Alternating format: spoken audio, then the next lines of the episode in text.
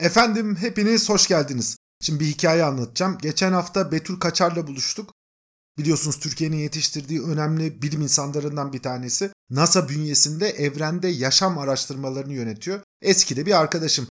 Dedi ki bu yaşam araştırmalarıyla ilgili tek ülke Amerika değil. Japonya'da araştırmalara kaynak aktarıyor. Tokyo Üniversitesi ile de birlikte bir çalışma yürütüyorlar. Tokyo'ya gittiğinde karşılaştığı bir manzarayı anlattı. Biliyorsunuz Tokyo metrosu inanılmaz büyüklükte. 300 kilometreyi aşan bir genişliğe sahip. Günde 8 milyondan fazla insan metro kullanıyor.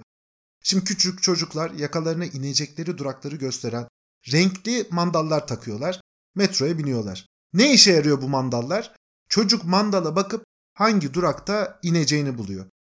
Mandala bakan halk da çevresindeki insanlar da çocuğun hangi durakta inmesi gerektiğini anlıyor. İnmeleri gereken durak geldiği zaman insanlar çocukları uyarıyor. Onlar rahatça giriş çıkış yapsın diye yol açıyor. Onların durakta inmesini, evlerine, okullarına artık nereye gideceklerse oraya ulaşmalarını sağlıyor. Şimdi küçük bir çocuk olduğunuzu düşünün.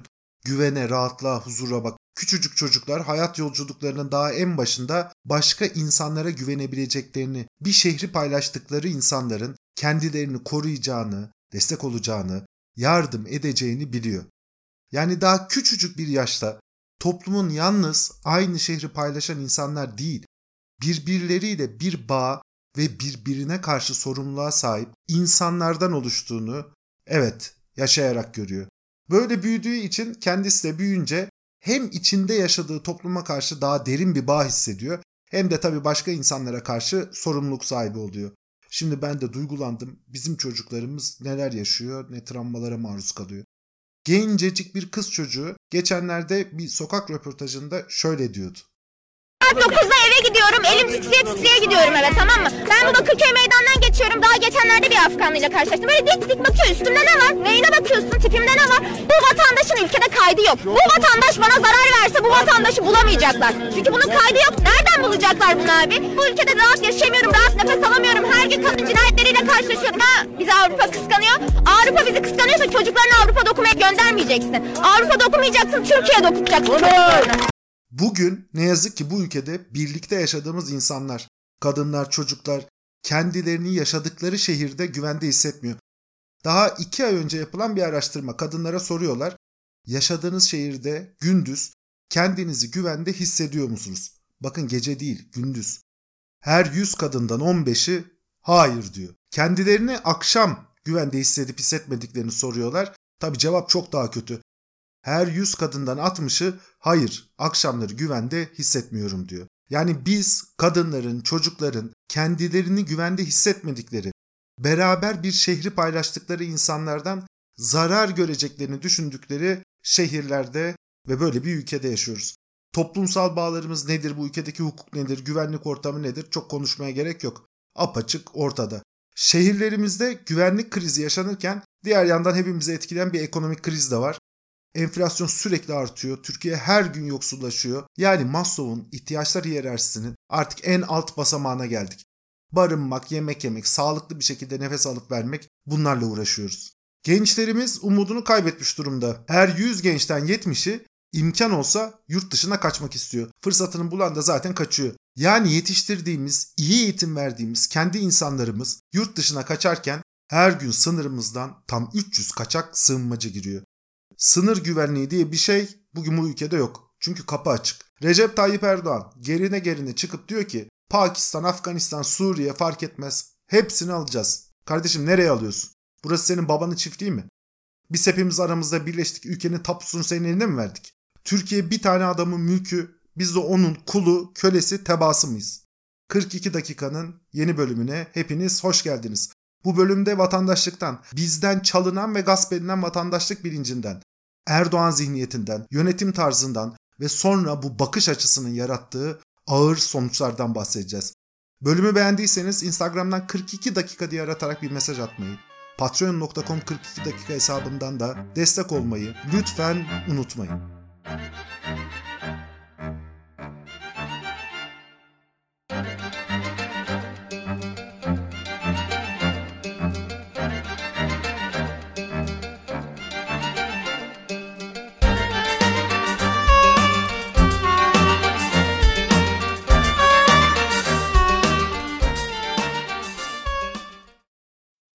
Bundan 2000 yıl önce dünyada söylenen en onurlu söz Kivis Romanus sumdu. Ben bir Roma vatandaşıyım. Niye?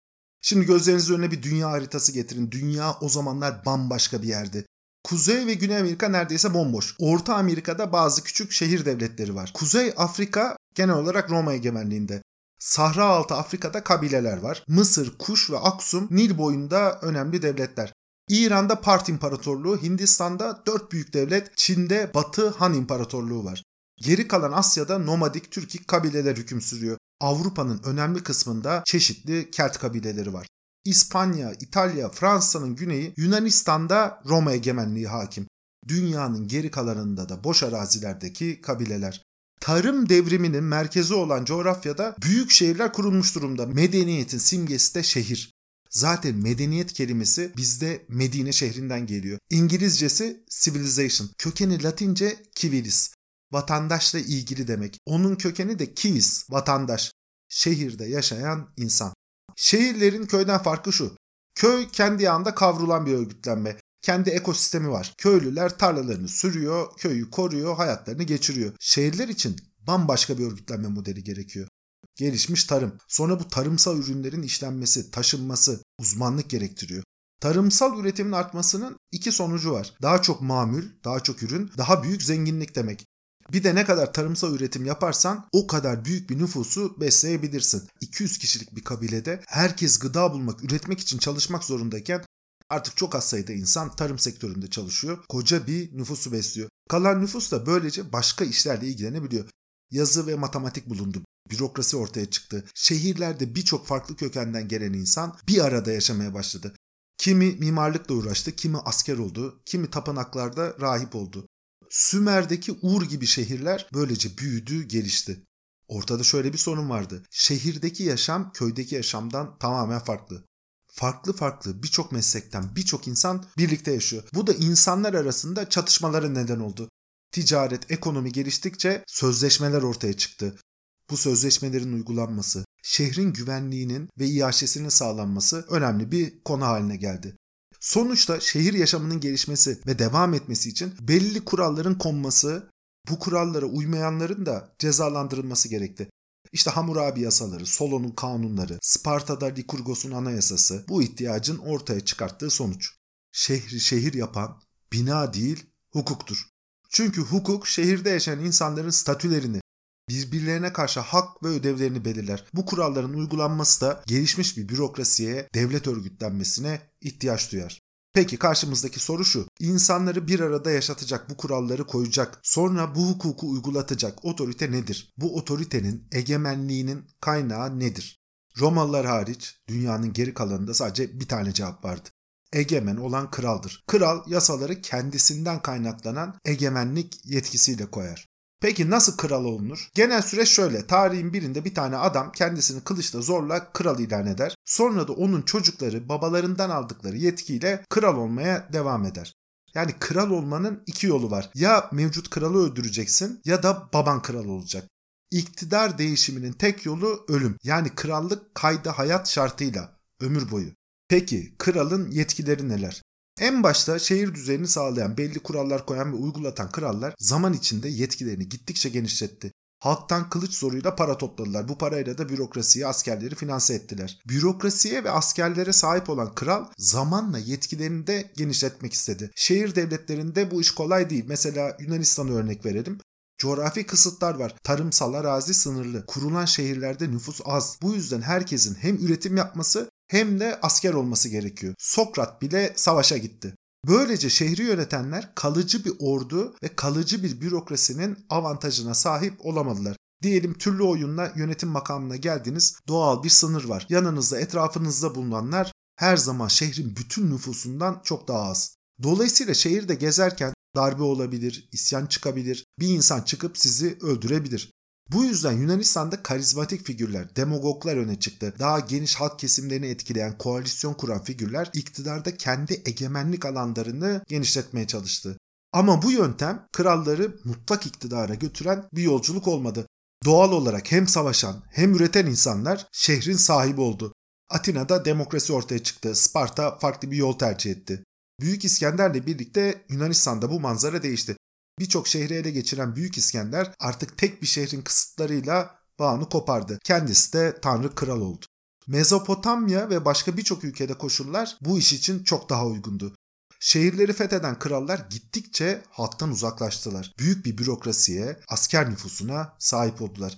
Kendi korunaklı alanlarında yaşamaya başladılar. Büyük nüfus aynı zamanda İran sisteminde olduğu gibi yerleşik, daima görevi başında bir bürokrasiyle ordu kurulmasına da imkan verdi.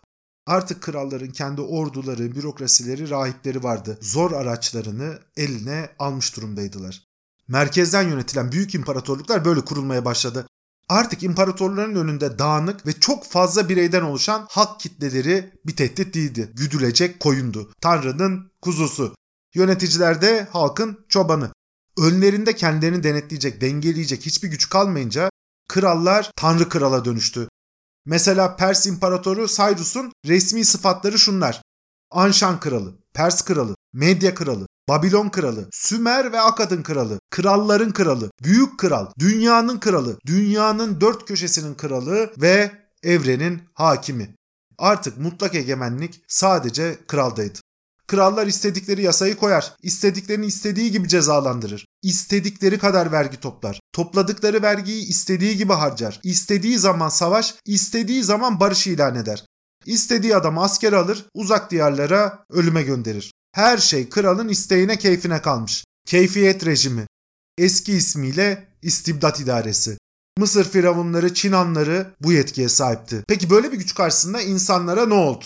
İnsanlar tanrı kralların kuluna ve tebaasına dönüştü. Bu tip krallıklarda yaşayan insanların kendi hayatları, gelecekleri hakkında hiçbir söz hakkı yoktu. Kral size bir şey ihsan ederse ayrıcalıklı olursunuz. Göreviniz krala itaat etmek, sadık bir kul olmaktır. Bizde mesela göze girmek diyoruz ya, Kimin gözüne girecek? Padişahın. Nasıl göze gireceksiniz? Ona itaat ederek. Ayan kelimesinin kökeni göz kelimesidir. Göze girmiş insan demektir gözden düşmek. Yani kralın gözünden düşmek, şansını, ayrıcalığını kaybetmek. Bütün bir teba işte böyle kralların gözüne girmek için çalışan, gözünden düşmekten korkan, göze gelmekten çekinen canlılardan ibaretti.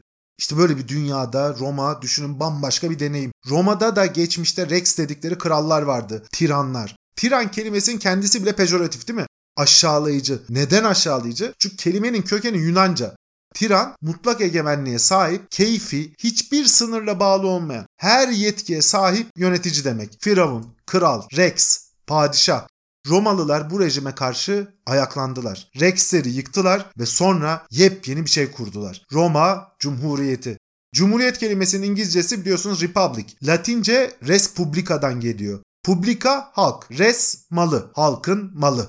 Roma'ya gidenler bilecek her yerde hala mazgallarda bile SPQR yazıyor. Senatus Populus K Romanus. Roma senatosu ve halkı. Çünkü her şey halkın malıydı. Peki kardeşim Romalılar kralı yıktıktan sonra niye başlarına yeni bir kral seçmedi de dünyada eşi benzeri bulunmayan bir adım attı? Çünkü Roma'da isyanı yönetenler kralların nasıl bir canavara dönüştüğünü yaşayarak tecrübe etti. Kralın iki dudağı arasında hayatlarını geçirdiler. Kimsenin can ve mal güvenliği yoktu. Kral istediğini öldürdü, istediğini sürdü, istediğinin malına el koydu. Bütün insanlar bu Rex'lerin egemenliği altında köle gibi onursuzca yaşamak zorunda kaldı. Yaşadıkları hayattan iğrenerek, tiksinerek maruz kaldıkları şeyin insanlık onuruna aykırı olduğuna ikna oldular. Krallık rejimi bir ahlaksızlıktı. İnsanı alçaltan bir deneyimdi. İki yönlü de. Bir kişinin kölesi olmak, ona yaltaklanmak, onun şefaatine nail olmak için çalışmak, hayata geldikten sonra bütün ömrünü hep onun insafına bırakmak rezil, kabul edilemez bir durumdu. İkincisi, krallar da kral oldukları ve kral olmayı tercih ettikleri için ahlaksızdı. Yönetmenin hazzı ve mutluluğu eşit, özgür insanlarla birlikte olmaktır. Kendi eşitimiz olacak, akıl sahibi, özgür insanlar olacak. Böyle insanların takdiri ve desteği insana gurur verir insanın yönetmekten alabileceği zevkin kaynağı kendi eşitlerinden oluşan bir halka hizmet etmek, onların takdirini kazanmak, onların arasında onların takdiri ve desteğiyle yükselmektir. Gurur duyulacak şey budur. Halbuki köleleri yönetmekten zevk alan bir insan ahlaklı falan olamaz. Zaten adamlar köle. Kölelerin başında durup emirler yağdırmak, yaptıklarınızı takdir edecek kimse olmadıktan sonra anlamsız, amaçtan yoksun. Sadece kölelerden oluşan bir toplumun başında durmak, taç takmak ve bununla övünmek Akılsızlık. Şehirde yaşayan herkes biliyordu ki herkesin başka yetenekleri, nitelikleri üstün oldukları konular var. Şimdi bir tane insanın ortaya çıkıp diğer bütün insanlardan üstün olduğunu düşünmesi, dengi bulunmadığına inanması ancak sapık bir aklın hezeyanı olabilir. Halbuki gerçekte olan neydi? Bir tane sapık elindeki güçle diğer insanları köle olmaya zorluyor. Sonra köle yaptığı bu insanlara bakıp kendi kendisinin üstün olduğunu vehmediyordu. Roma'da kraliyeti yıkan Brutus de kralın bir akrabasıydı. Amcasının hiçbir üstünlüğü olmadığını biliyordu. Yalnızca ahlakını ve onurunu kaybetmiş durumdaydı. Mad King delirmiş. Roma Cumhuriyeti döneminde Romalıların taştan iğrenmesinin nedeni budur. Taç kralın diğer insanlardan üstün olduğunu değil, kafasına taş taktığı için kendisini diğer bütün insanlardan üstün sanacak kadar sapık olduğunu simgesiydi. Ayaklanmaya öncülük edenler bu kadar iğrenç bir şeyin bir daha asla yaşanmaması için Cumhuriyeti kurdular. Teferruatına başka bir zaman gireriz ama bizim açımızdan önemli olan tarafı şu. Romalılar dedi ki Roma Cumhuriyeti'ni kuranlar eşit haklara sahip vatandaştır. Bu ülke üzerinde egemendir. Devletin sahibidir. Yani Romalılar egemenliği kraldan kendi ellerine aldılar. Ülkede uygulanacak hukuk kurallarını koymak için de belli yapılar kurdular. Roma halkı bizzat kendi ülkesinde seçtiği yöneticiler eliyle kendi kurallarını kendi koyduğu, bu kuralları uygulayacak yöneticileri de yine bizzat kendisi seçti. Roma'nın sahibi olan vatandaşların belli hak ve yükümlülükleri vardı. Onlar kul değildi. Hak ve sorumluluk sahibi vatandaştı. Serbest değildi. Özgürdü. Şimdi bakın özgürlük ve serbestlik başka şeyler. Mesela ormandaki şempanzeler serbest ama özgür değil. Dağda tek başına kalan insan serbest ama o da özgür değil. Çünkü hayatı doğanın insafına kalmış bir halde. Yaşamak için insan bir topluluğa muhtaçtır. Topluluk içerisinde yaşamak da hak ve sorumluluk sahibi olmakla olur. Hakkın teminatı, garantisi topluluktur. Şimdi Romalılar dünyaya baktıklarında şöyle bir manzara gördüler. Kendileri dışında her topluluk ya kabile halinde örgütleniyor ya da kralın kölesi olmuş birer teba. Kabile halinde örgütlenenler şehirleşmiş değil. Hak sahibi insan değil. İlkel. Bunlar sadece bir kabile üyesi. Daha gelişmiş bir şekilde örgütlenemedikleri için gelişmiş değiller. Medeni değiller. Şehirli değiller. Şehirde yaşayan diğer insanlar da kralların kölesi. Kölelerin hakkı yoktur. Seçim yapamaz. Köle kendisine verilen emirleri uygulamak, yasaklardan da kaçınmak zorundadır.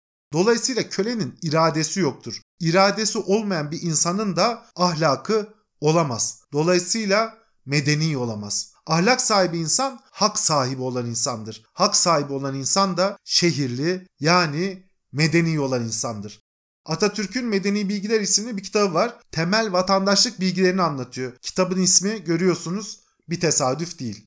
Bu görüşler binlerce yıl sonra başka insanları, filozofları etkiledi. Roma'dan sonra çok yol aldık. Kölelik kalktı, aydınlanma ile insanı merkeze alan yeni bir bakış açısı ortaya çıktı. Modern teoride biliyorsunuz işte devletler milletler tarafından kurulur. Egemenlik milletindir. Millet birbirine eşit haklara sahip, aynı kültürü, aynı tarihi, aynı kaderi paylaşan, ortak bir geleceğe sahip insan topluluğudur. Devlet yöneticileri yetkilerini gökyüzünden falan almazlar. Kutsal değildir. Normal düz vatandaştır. Kamu hizmetine talip olurlar. Millete karşı sorumludurlar. Bu yüzden hiç kimse kaynağı açıkça anayasada bulunmayan bir yetkiyi kullanamaz. Bu görüşler bizim de anayasamıza esin verdi. Vatandaş olmayı cumhuriyete ve anayasal düzene borçluyuz. Bu devleti biz kurduk. Bu devletin sahibi biziz. Halbuki AKP zihniyetinde böyle bir anlayış yok. Tayyip Erdoğan böyle bir bakış açısına sahip değil. Büyüdüğü, yetiştiği ortam bambaşka. Gençken bakış açısını şekillendiren şeyler siyasal İslam ve Necip Fazıl'ın baş yücelik devleti gibi düşünceler. Bakın ne diyor? Necip Fazıl'ı okumak, anlamak, onun açtığı yolu, yükselttiği o dava bayrağını ruhu ve manasıyla sürekli daha ileriye taşımak hepimizin boynunun borcudur. Peki baş yücelik devleti nedir? Kısası şu. Meclis yerine geçen bir yüceler konseyi var. Bunlar alim, istişare kurulu gibi bir şey. Bir de baş yüce var. Baş yüce her hakka sahip. Sınırsız, denetimsiz bir güç. İstediği yasayı çıkartır, istediği gibi hareket eder. Sultanlık, padişahlık, firavunluk, tiranlık veya Arapça emirlik. Şimdi bu paradigmayı anlamamız lazım. Anlamak için de bu zihniyette ülke nedir diye biraz konuşmamız gerekiyor. Ülke bir milletin kurduğu devletin egemenliği altında bulunan kara, hava, deniz unsurlarının bütünüdür. Şimdi bu zihniyette ülke böyle bir şey değil. Ülke ikiye ayrılır. Darül Harp ile Darül İslam. Darül İslam, İslam şeriatının uygulandığı yerdir. Bu şeriatı uygulayan da emirdir. İslam kurallarıyla yönetilmeyen bir ülke Darül Harp'tir, harp yeri. Oradaki devlet gayrimeşrudur. Oradaki anayasa geçersizdir. Bu devletle mücadele edilmesi ve o ülkenin Darül İslam haline getirilmesi gerekir. Şimdi bu mücadele açık olmuyorsa, açık mücadele tehlikeli ise hadiste bir o kadar açık. Ne diyor? Üç yerde yalan günah olmaz. Savaşta, çünkü savaş hiledir, karı kocanın ve iki Müslümanın arasını bulmakta. Dolayısıyla demokratik sistemin verdiği imkanları kullanarak bu rejimi değiştirmek bu zihniyet için meşrudur. Gerçekten demokrasiye inanmaları falan gerekmez. Aksine sonuç alacak şekilde hareket etmeleri gerekir. O yüzden tesadüf değil. Bakın Erdoğan FETÖ için ne diyor? Aynı menzile yürüyen iki harekettik. Gerçek bu. Aynı menzile yürüdüler. Peki yürüdükleri hedef neydi? Laik, demokratik, sosyal hukuk devletini değiştirmek. Peki bu zihniyet için devlet nedir? Devlet bir emir tarafından yönetilen örgütlenmedir, aparat, başka bir şey değil. Emir nasıl belirlenir? Artık hangi yolla mümkünse kılıç, kan, seçim fark etmez. Ama biri bir kere emir oldu mu sistem açık. Allah'ın emir ve yasaklarını uygulayan, bunlara aykırı hareket etmeyen emire itaat esastır. Ulul emir. Türkiye Diyanet Vakfı İslam Ansiklopedisinden aynen okuyorum. Ulul emir tabiri Kur'an-ı Kerim'de iki yerde geçmektedir. Bir ayette Müslümanların Allah'a, peygambere ve ulul emre itaat etmesi emredilmektedir. Erdoğan'ın alimi diye meşhur olan biri var biliyorsunuz Hayrettin Karaman. Bu konuda sayısız makalesi var. Özetle diyor ki İslam hukukuna ve İslam alimlerine uyan emirin emir ve yasaklarına itaat etmek her Müslümanın görevidir. Nokta. Yönetici bu yetkiyi nereden alır? Anayasadan mı? Hayır, bizzat Kur'an-ı Kerim'den alır. Peki bu zihniyet için, bu anlayış için hak nedir? Hak tebadır. Teba tabi olan demektir. Neye tabi? Emre tabi. Yani hak koyundur, emirler de o halkı güdecek çobandır. Halk ikiye ayrılır. Müslümanlar ve gayrimüslimler. Yani bütün insanlar eşit değildir. Eşit haklara da sahip değildir. Erdoğan'ın birçok kez söylediği gibi Müslümansan üstünsün. Dolayısıyla bu zihniyet Türkiye'deki millete anladığımız anlamda millet gözüyle bakmaz. Millet İslam'ın emir ve yasaklarını uygulayan, yöneticiye itaat eden Müslümanlardan ibarettir. Kalanı düşmandır, ötekidir. Dikkat edin dünyada hiçbir seçim zaferi mesela Erdoğan'ın kutladığı gibi kutlanmaz. Normal bir siyasi parti ne yapar? Karşıda başka partiye oy veren seçmenler düşman değil, başka bir tercihi var. Seçilenler onların da hakkını korumak, gözetmek zorunda. Yarın onların da oyunu isteyecek. Halbuki siyasal İslam zihniyetinde böyle bir şey yok. Ötekiler zaten düşmanlar. Bir büyük mücadele var. Dava dedikleri dava bu. Her seçim zaferi o mücadeleye hizmet ediyor. Ötekiler yeniliyor.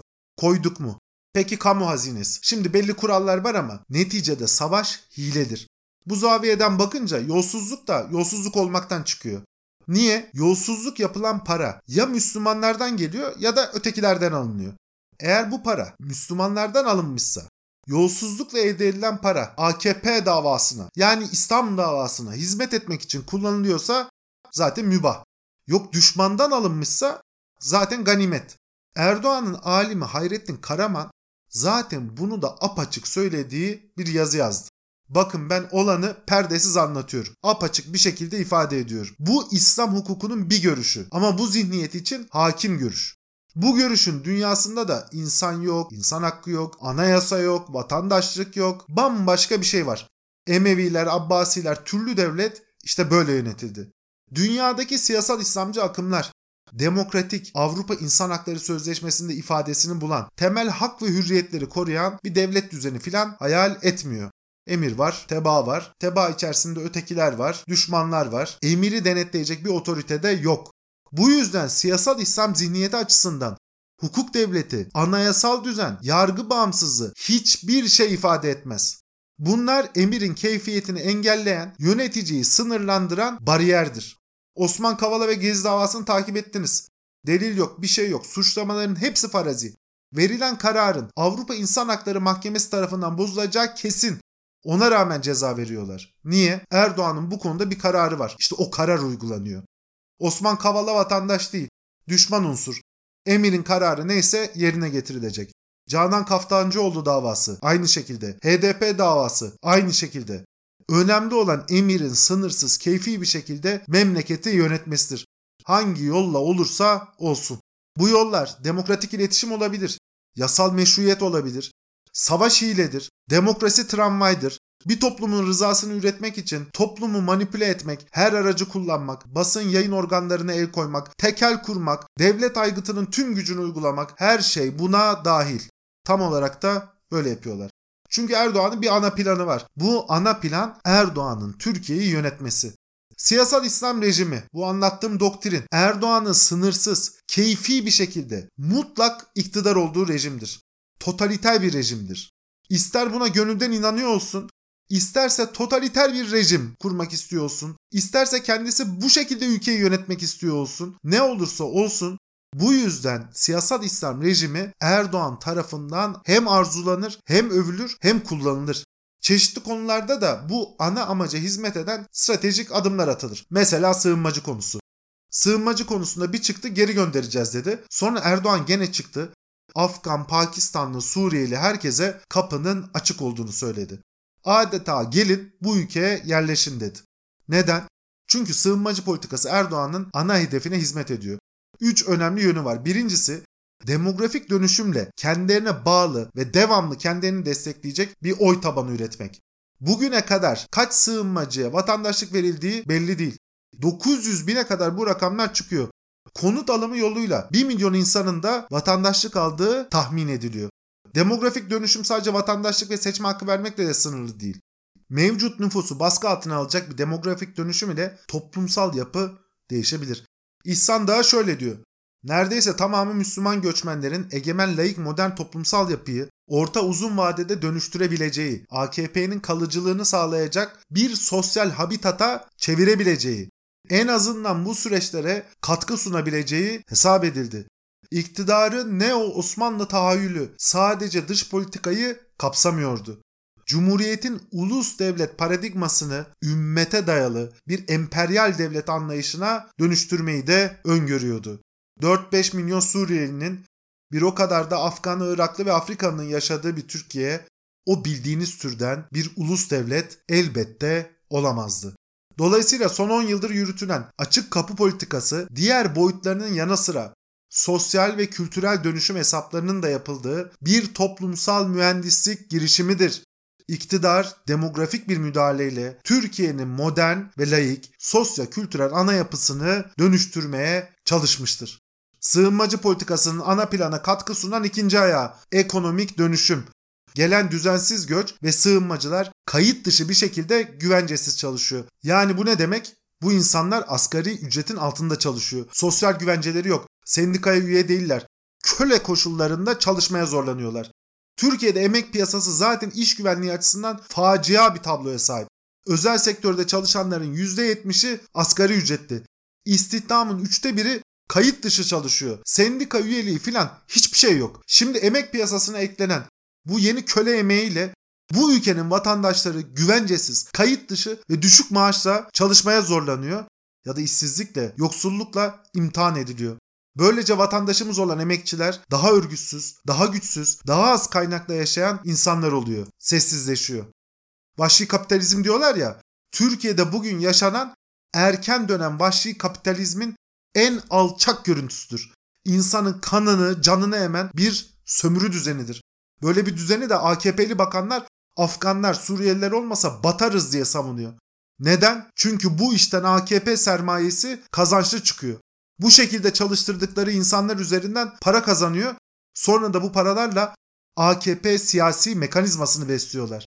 Yani Erdoğan sığınmacı politikasıyla ekonomi anlamında bir taşla birkaç kuş vuruyor. Hem emekçiyi sessizleştiriyor hem yandaşlarına kar ile kaynak transfer ediyor. Maliyetini de 83 milyon herkesin sırtına yüklüyor. Alım gücü düşüyor, insanlar yoksullaşıyor. Kendi yandaşları bu sırada insanların kanıyla, canıyla para kazanıyor. Ana plan için sığınmacı politikasının üçüncü bir faydası daha var. Ne o? Güvenlik. Neyin güvenliği? AKP'nin güvenliği. Kime karşı? Batı dünyasına karşı.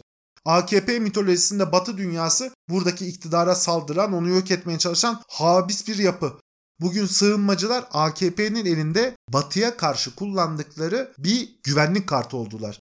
Ne diyorlar? Kapıları açar, salarız. 3 yıl önce Tayyip Erdoğan çıktı, bir açıklama yaptı. Dedi ki Bugün Avrupa halkları kendi topraklarında huzur ve güven içinde yaşıyorsa Türkiye'nin, Türk milletinin fedakarlığı sayesindedir. Biz kendi ülkemizde güven içinde yaşayamıyoruz. Avrupa halkları kendi ülkelerinde güven içinde yaşıyorsa bu bizim sayemizde. Bu cümle ne demek? Bu cümle şu demek. Kardeşim ben bu kapıyı açar, bu göçmenleri senin üstüne salarım demek. AKP Batı dünyasına dedi ki benim aleyhime adım atmayın. Sizin güvenliğinizi tehdit ederim.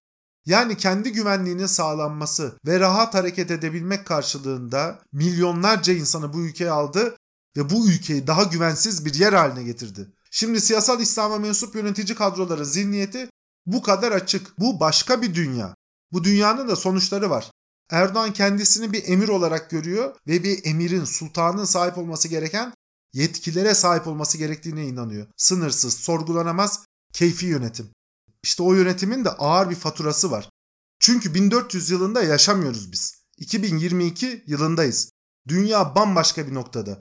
Sümer veya Mısır'ı mağara adamı gibi yönetemezseniz Türkiye'yi de 1400 yılındaki gibi yönetemezsiniz. Audi arabayı Romalıların yaptığı yola sokarsanız o araba parçalanır. Şimdi bugün araba her yerden çatır diyor. Gıda sorunu. Maslow hiyerarşisinin dibi. Barınmadan sonra gıda. Türkiye dünyada gıda fiyatlarının en çok arttığı bakın 5 ülkeden bir tanesi. Neden? AKP'nin ekonomi politikası yüzünden. Erdoğan çıktı faiz sebep enflasyon sonuçtur dedi.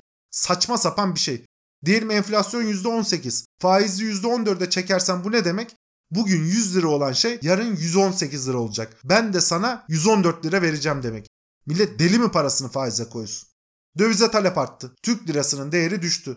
Türk lirasının değeri düşünce Türkiye'nin borçlanma ihtiyacı arttı. Borçlanma ihtiyacı artınca risk arttı. Risk artınca da borçlanma maliyeti arttı. CDS primi 712 puana çıktı. Bakın Almanya'da 12, 12, 12. Sonuç dövize bağlı tüm ürünler zamlandı. Enflasyon arttı. Tarımsal girdi maliyetleri uçmuş durumda. Gübre fiyatları bir yılda %152. Enerji fiyatları %97 arttı. Girdi maliyetleri artınca tabi gıda fiyatı da ne olacak? Artacak. Efendim Ukrayna savaş. Bu savaş bir tek bize mi var kardeşim? Avrupa Birliği'nde enerji fiyatları %29 artarken bizde 3 kat fazla artıyor. Peki faiz sebep enflasyon sonuçtur politikası neyin kılıfı? Şunun kılıfı. Bu politikayla kendi yandaşlarına kaynak transferi yaptılar. Nasıl? Merkez Bankası'ndaki rezervleri satmaya başladılar. Sonsuza kadar devam edecek bir şey değil. Ama sattıkça döviz gerçek fiyatını bulmadı. Yani birileri dövizi rasyonel fiyatın altında aldı. Kim alıyor? AKP sermayesi. Bu yolla Erdoğan yandaşları şu an hala ucuza dolar topluyor. Dolar dünyanın her yerinde dolardır. Yarın bu politika patladığında ellerinde inanılmaz bir servet olacak. İkincisi düşük faize kredi vererek konut ve gayrimenkul hem satıyorlar hem topluyorlar. Siz Metaverse'de sanal arazi peşinde koşarken gerçek toprak el değiştiriyor. Yani bunu bilerek yaptılar. Bu bir tercih. Seçime giderken yapılan bilinçli bir hamle. Kendi rejimlerini tahkim etmek için yandaşlarına kaynak transferi yaptılar. Halk yoksullaşırken evet Erdoğan'ın yandaşları gözümüzün önünde zenginleşti. Yoksulluğun bir başka sonucu daha var ama. Gıda üreten insan da azaldı. Bu ülkede 83 milyon vatandaş var. 8 milyon da sığınmacı ne etti? 91 milyon. Gireni çıkanı turisti şusu busu 92 milyon diyelim. Kaç çiftçimiz var kardeşim bizim? 493 bin. Türkiye'de çiftçi sayısı son 12 yılda %48 azaldı. %48. Amerika'da 2 milyon çiftlik var. Nüfusun %1'i tarım sektöründe çalışıyor. 493 bin çiftçiyle yani beslenecek nüfusun binde beşiyle bu nüfusu nasıl besleyeceksin? Bakın 1984 yılında 17 milyon 200 bin ton buğday üretiliyordu. Bugün 17 milyon 700 bin ton üretiliyor. 1984'te nüfus 48 milyondu. Kişi başına üretim 357 kilodan 209 kiloya düşmüş. Sığınmacılar da bu rakama dahil değil. Bunu da göz göre göre yaptılar. Nasıl? Tarımsal üretimi desteklemediler. Tarım yasası var. Her yıl milli gelirin en az %1'i tarımsal desteklere ayrılmak zorunda. Ne kadar ayırmışlar? 2006 yılından beri her yıl ortalama binde 5. 2007-2021 arasında tarıma ayrılması gereken kaynak ne kadar? 394 milyar. Ayrılan kaynak ne kadar? 160 milyar lira. Kalan para ne oldu? Kredi olup yandaşlara gitti. Bir taşta birkaç kuş. Erdoğan rejimine bu politikanın Hatta bir katkısı daha var. Millet tarım sektöründen çıktı. Tarlasını süremedi. Gençler geçinemedikleri için şehirlere gitti. Maden sektöründe, inşaat sektöründe 3.30 paraya çalışmak zorunda kaldı. Ne oldu? Şehirdeki emek piyasası değişti. Örgüsüz, güvencesiz çalışma yaygınlaştı. Köyünde çiftçilik yapan, kendi yağıyla kavrulan adam gitti, şehir merkezlerinde ücretli çalışan oldu. Sessizleşti. Hatta politik olarak AKP havuzunu besledi. Ama bunlar bile Erdoğan'a yetmedi. Erdoğan 2009 seçimlerinde gördü ki şehre giden köylüler illa kendisine oy vermiyor. Bir adım attı. 2012 yılında bütün şehir yasasını çıkarttı. Bütün şehir yasasıyla köyleri Büyükşehir Belediyesi'ne bağladı ve mahalleye dönüştürdü. Büyükşehir sayısını da 30'a çıkardı. Peki köyleri neden büyükşehirlerin mahallesi yaptılar? Belediye seçimlerinde köylüler Büyükşehir Belediye Başkanlığı için de oy kullansın diye. Bu uygulama 2014 yılı yerel seçimleriyle birlikte başladı. AKP Ankara ve İstanbul'u bu sayede kazandı. Peki bu bütün şehir yasasının tarıma etkisi ne oldu? Belediyeler gitti, tarımsal sulamaya su saati taktı. Türkiye'de tarım politikasının bütünlüğü bozuldu. Şimdi 30 tane farklı politika var. Neticede ne oldu? Neticede üretim azaldı. Aynı zamanda nüfus arttı. Arz talep. Fiyatlar uçuyor. Daha da uçacak. Türkiye büyük bir gıda kriziyle karşı karşıya. Yapılan bir araştırmaya göre her 3 kişiden biri geçinebilmek için bazen aç yattığını ifade ediyor. Bakın her 3 kişiden biri.